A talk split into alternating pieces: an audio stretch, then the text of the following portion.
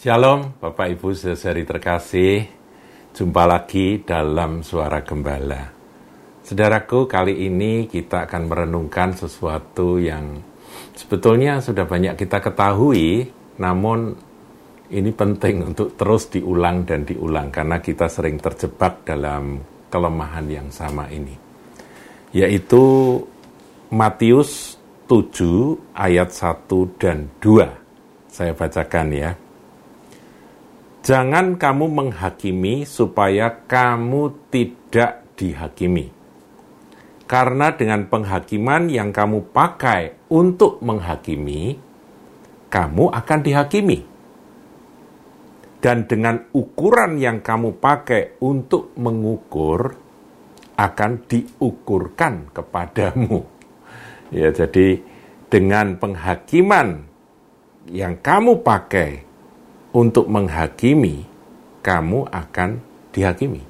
Dan dengan ukuran yang kamu pakai untuk mengukur, akan diukurkan kepadamu. Nah, saudaraku, ini kalau direnungkan dalam ini, makna dari ayat ini.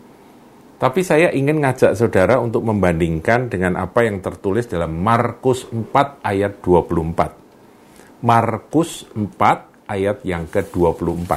Nah, di dalam Injil Markus masih tentang eh, dengan ukuran kamu mengukur itu ya. Markus 4 ayat yang ke-24. Di sini ada sedikit tambahan, ada satu kalimat tambahan yang mestinya membuat kita semakin takut dan gentar. Lalu ia berkata lagi, "Camkanlah apa yang kamu dengar." Ukuran yang kamu pakai untuk mengukur akan diukurkan kepadamu dan di samping itu akan ditambah lagi kepadamu. Jadi di samping itu akan ditambah lagi kepadamu.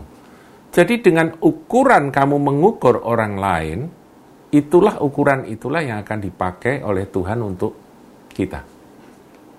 Jadi kalau itu ukuran kebaikan, saudara, memang ini konteksnya penghakiman ya kalau di Matius. Tapi kalaupun ini kita balik ukurannya itu kebaikan. Kita lihat ada orang lapar lah taruh kata ya. Kemudian kita mengukur, aduh, aku kasih dia sepiring nasi, cukup lah gitu ya. Sepiring nasi, lauknya cukup tempe dan sambal begitu. Nanti Tuhan akan memberkati kita yang sudah sudah uh, berbuat positif itu ya dengan ukuran yang sama. Ditambah, Tuhan itu suka ngasih bunga, saudara. Ngasih tambahan. Tentunya Anda juga akan diberkati dengan sepiring nasi, tempe, dan sambal, karena Tuhan baik ditambah tahu begitu ya. Itu artinya ditambah. Itu yang positif. Kalau yang negatif, perbuatan kejam, perbuatan jahat terhadap orang lain, ukurannya dipakai oleh Tuhan. Dan ditambah. Jadi kalau misalnya saudara eh, memfitnah seseorang, nanti saudara akan difitnah dan fitnahnya ada tambahannya. Nah, di sini ayat ini jelas dengan ukuran kamu mengukur akan diukurkan kepadamu. Di samping itu akan ada tambahannya, yaitu Markus, saudaraku. Nah, saya membaca sebuah ilustrasi yang menarik, saudaraku. Dan ini mungkin bisa menjadi pelajaran buat kita semua.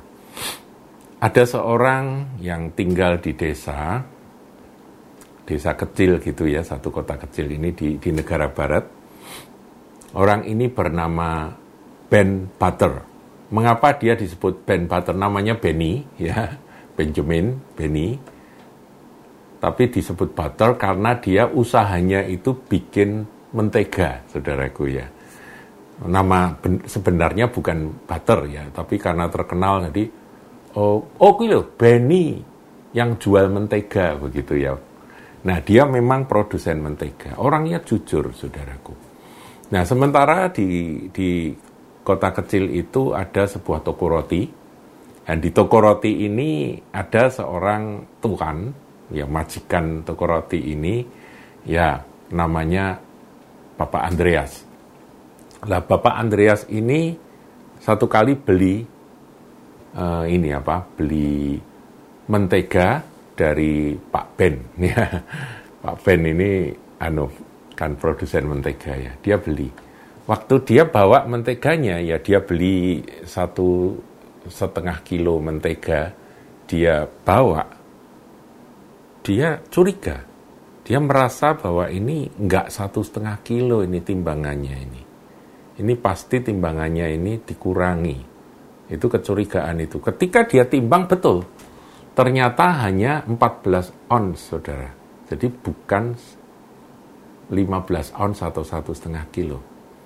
Nah itu yang uh, apa membuat dia berang, marah. Aku ditipu oleh Ben Butter begitu.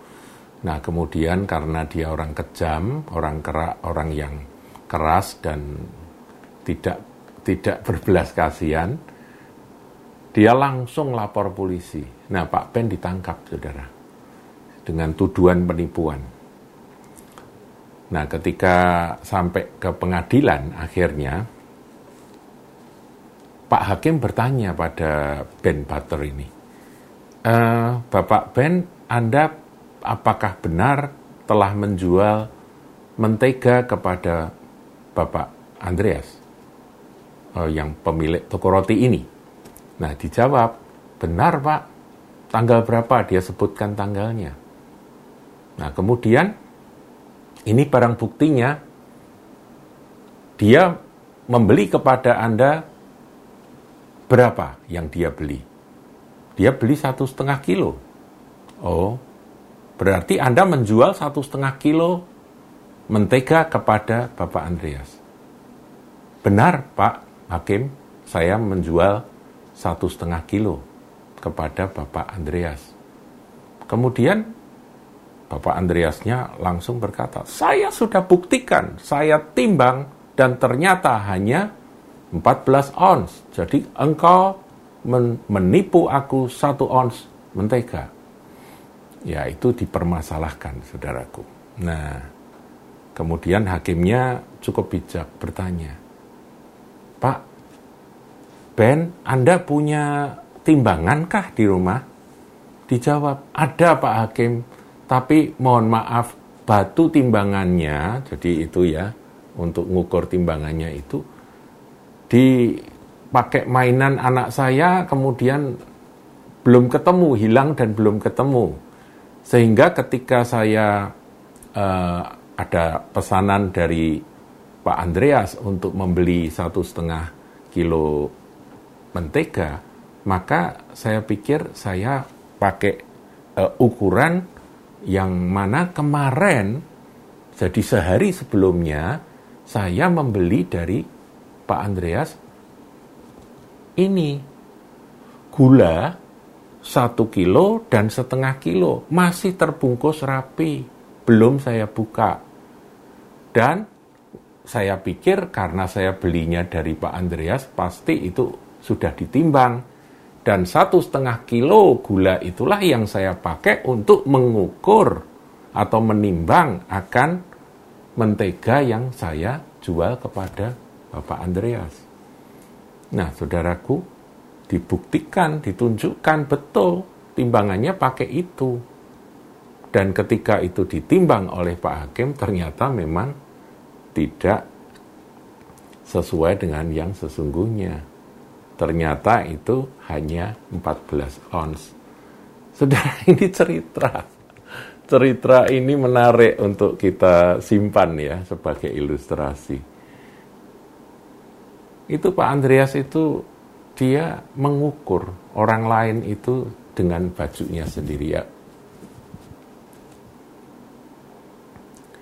Ukur baju badan sendiri. Dia pikir semua orang itu curang, maka dia mencurigai ternyata kecurangan dari uh, yang yang yang dia kecurangan yang akhirnya dia dia terima dari Pak Ben itu sebetulnya dia sendiri yang curang. Dengan ukuran dia mengukur diukurkan kepada dia. Nah, saudaraku, akhirnya dalam cerita ini ini ini kan cuma ilustrasi, ini kan cuma cerita.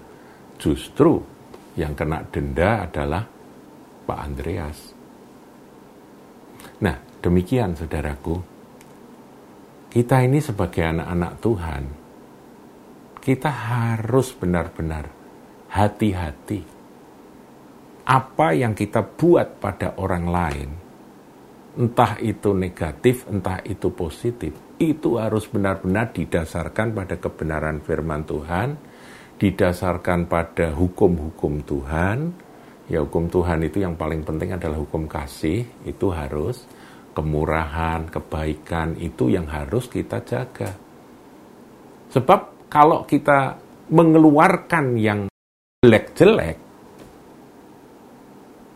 nanti kita akan terima yang jelek-jelek berikut bunganya. Nah, ini yang berbahaya, saudaraku. Jadi hukum tabur tua itu berlaku dalam segala sesuatu. Dengan ukuran kamu mengukur akan diukurkan kepadamu. Itu ukuran yang Anda pakai. Sebab itu kita mari mengukur yang positif bagi semua orang Sebab kita tahu itu nanti akan kembali kepada kita semuanya bahkan berikut tambahannya dari Tuhan. Saya berharap Anda menjadi seorang anak Tuhan yang mengikuti apa yang Tuhan ajarkan, memiliki hati yang lemah lembut dan penuh kasih, bukan penuh penghakiman, bukan penuh kejahatan, bahkan penuh dengan tuduhan-tuduhan, padahal dirinya sendiri sebetulnya tidak benar. Mari kita introspeksi dan koreksi diri di dalam hidup ini.